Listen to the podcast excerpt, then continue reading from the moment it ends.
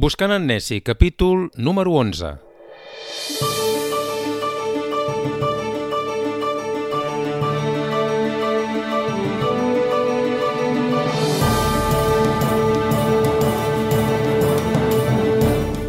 Això és Buscant en Nessi, el podcast on parlem d'Escòcia, dels seus paisatges, dels seus costums i tradicions i també de la seva gent.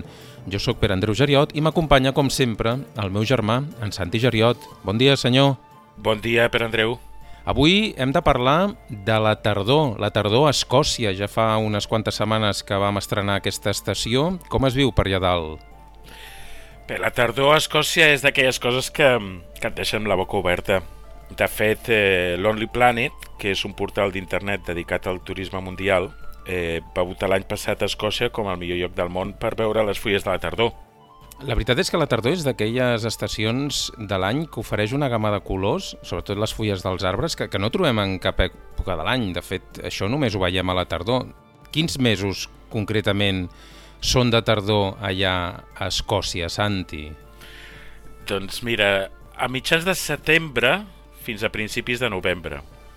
El paisatge escocès realment es transforma. A l'estiu el verd és el color predominant, però a mesura que anem entrant a la tardor els colors es van transformant en una barreja de groguenc, vermell, daurat, i també es comença a veure el, les Northern Lights o l'aurora boreal, fins ben bé acabat l'hivern.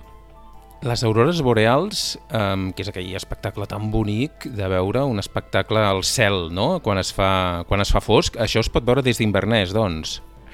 De fet, es pot veure des de qualsevol part d'Escòcia.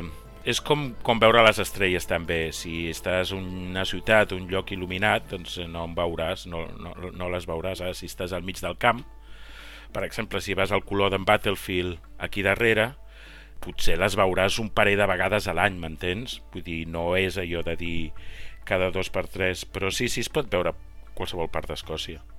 I escolta'm, fins a quin punt la, la Covid, ara que estem en temps de pandèmia, està canviant les coses, o, o és una tardor més, com la d'altres anys? Doncs precisament t'anava a dir que tot el tema de la Covid eh, ha canviat bastant. Abans la tardor era una estació espacial, per estar en contacte amb la natura i al no haver-hi gairebé turisme els animals perden la por a ser vistos i pots trobar des d'esquirols, els vermells són els més raros de veure, fins a cèrvols, eh, foques marines, dofins... Pots seure al peu del teu arbre favorit llegint un llibre, disfrutar dels colors amb, amb un llit de fulles seques pel camí, és realment eh, et dona una pau i una tranquil·litat eh, indescriptibles ho estàs pintant tot molt bé, molt, molt idíl·lic. Eh, el que vens a dir és que sense turisme els animals perden la por i se'n veuen més, en veus més. De fet, alguna vegada ho hem parlat fora del podcast, sempre estàs voltant, o, o és per treure el gos, o vas a donar una volta, i vaja, diguem que tot això ho vius en primera persona, oi? Sí, sí. Home, ja has vist amb tot el tema del Covid que la gent es quedava a casa i els animals perdien la por i veies, doncs, eh, per exemple, a Barcelona veies porcs senglars, eh, veies els dofins a Venècia i el motiu era perquè, clar, l'home no sortia, m'entens? I llavors els animals estaven, com qui diu, més lliures. Doncs passa exactament... Aquí passava bàsicament a la tardor i l'hivern Sí, vull dir, ja veus fotos o vídeos que t'he enviat moltes vegades del llac Ness que vaig caminant dues hores i no em trobo ningú, no em trobo cap persona. De fet, eh, abans parlaves d'esquirols, de, fa uns dies em vas enviar un parell de fotos que ja, per cert que sàpigues que l'Edo ja les va veure i es va posar molt content. Molt bé. Tot tipus de bestioles deus trobar. Sí, esquirols, cèrvols i fins i tot erissos. I de tant en tant algun actor, algun actor famós. Sí, sí, fa uns dies vaig dir que, que havia vist el Michael Paley mentre caminava pel Culloden Woods, que és el, és el mut del peix anomenat Wanda, és eh, part dels actors del Monty Python, de, de les pel·lícules aquelles de la vida de Brian o els cavallers de la taula quadrada, i el vaig reconèixer perquè fins feia ben poc feia un documental que anava per països, diferents països, i els visitava en tren i clar, ja saps que els teus nebots el tren els hi encanta i estaven bastant enganxats. I llavors, clar, el vaig reconèixer perquè clar, l'home de les pel·lícules que t'he dit ha passat ben bé 40-50 anys.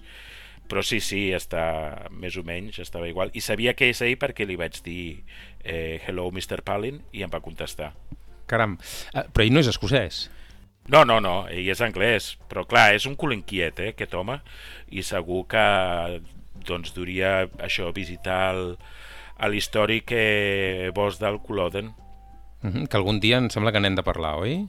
Sí, tant, i tant, a la, la batalla de Culloden.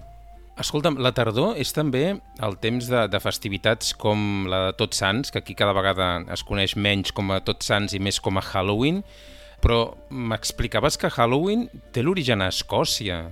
És, és així? Sí, sí, és així. Halloween es vincula molt als Estats Units, però en realitat té l'origen al Regne Unit i més concretament a Escòcia.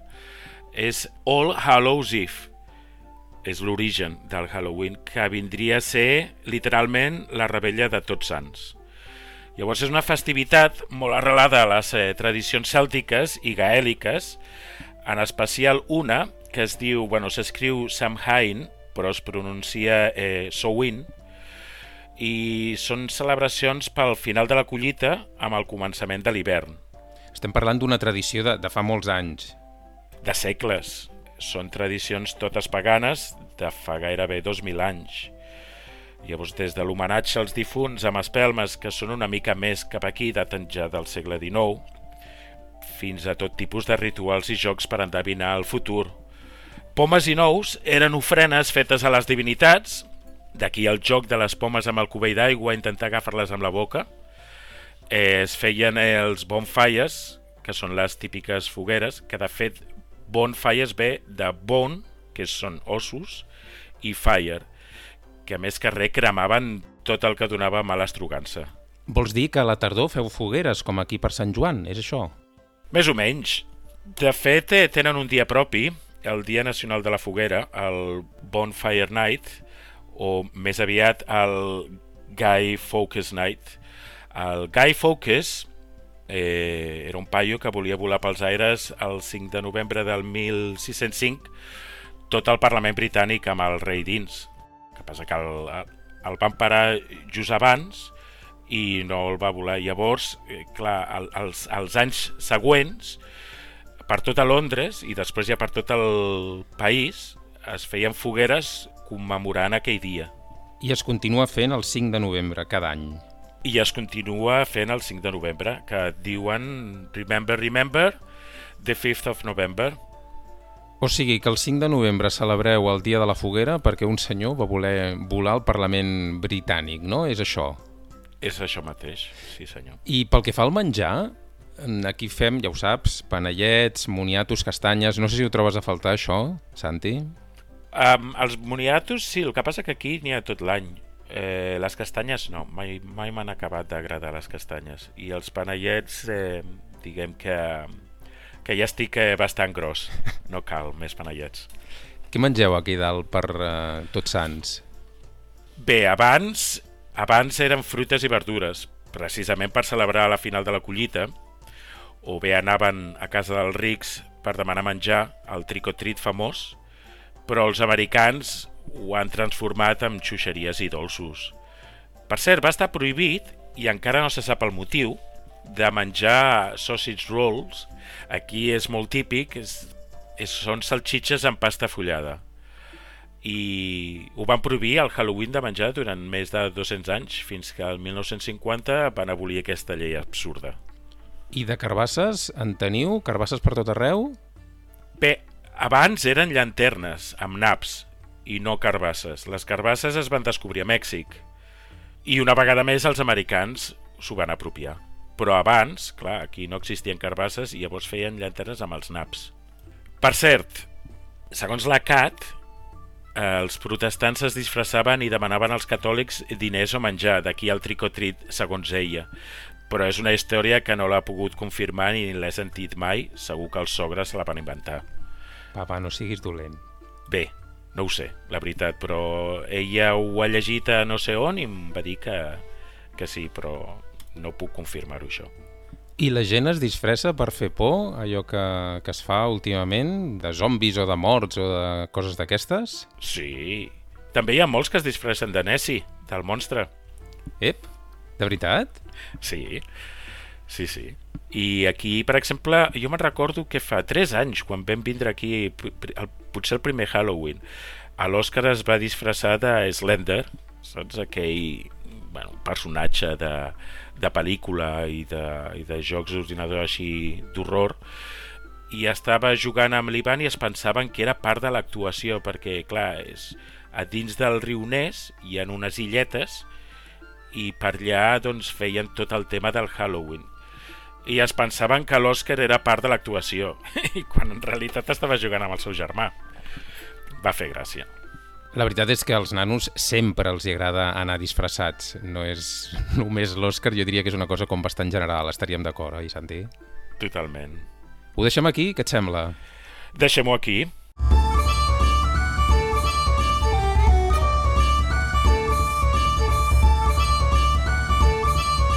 Aquest ha estat el capítol 11 de Buscant en Nessie, el podcast sobre Escòcia, els seus paisatges, la seva cultura i la seva gent. Si ens vols seguir ho pots fer a través de les xarxes socials, som a Facebook, a Twitter i a Instagram, i també tenim un blog que és buscantennesi.wordpress.com. A més, ens podeu fer arribar un correu electrònic per comentar-nos qualsevol cosa sobre Escòcia o sobre el podcast a buscantennesi.gmail.com. Moltes gràcies per escoltar-nos i per seguir-nos. Santi, una abraçada i fins la setmana que ve. See you next week.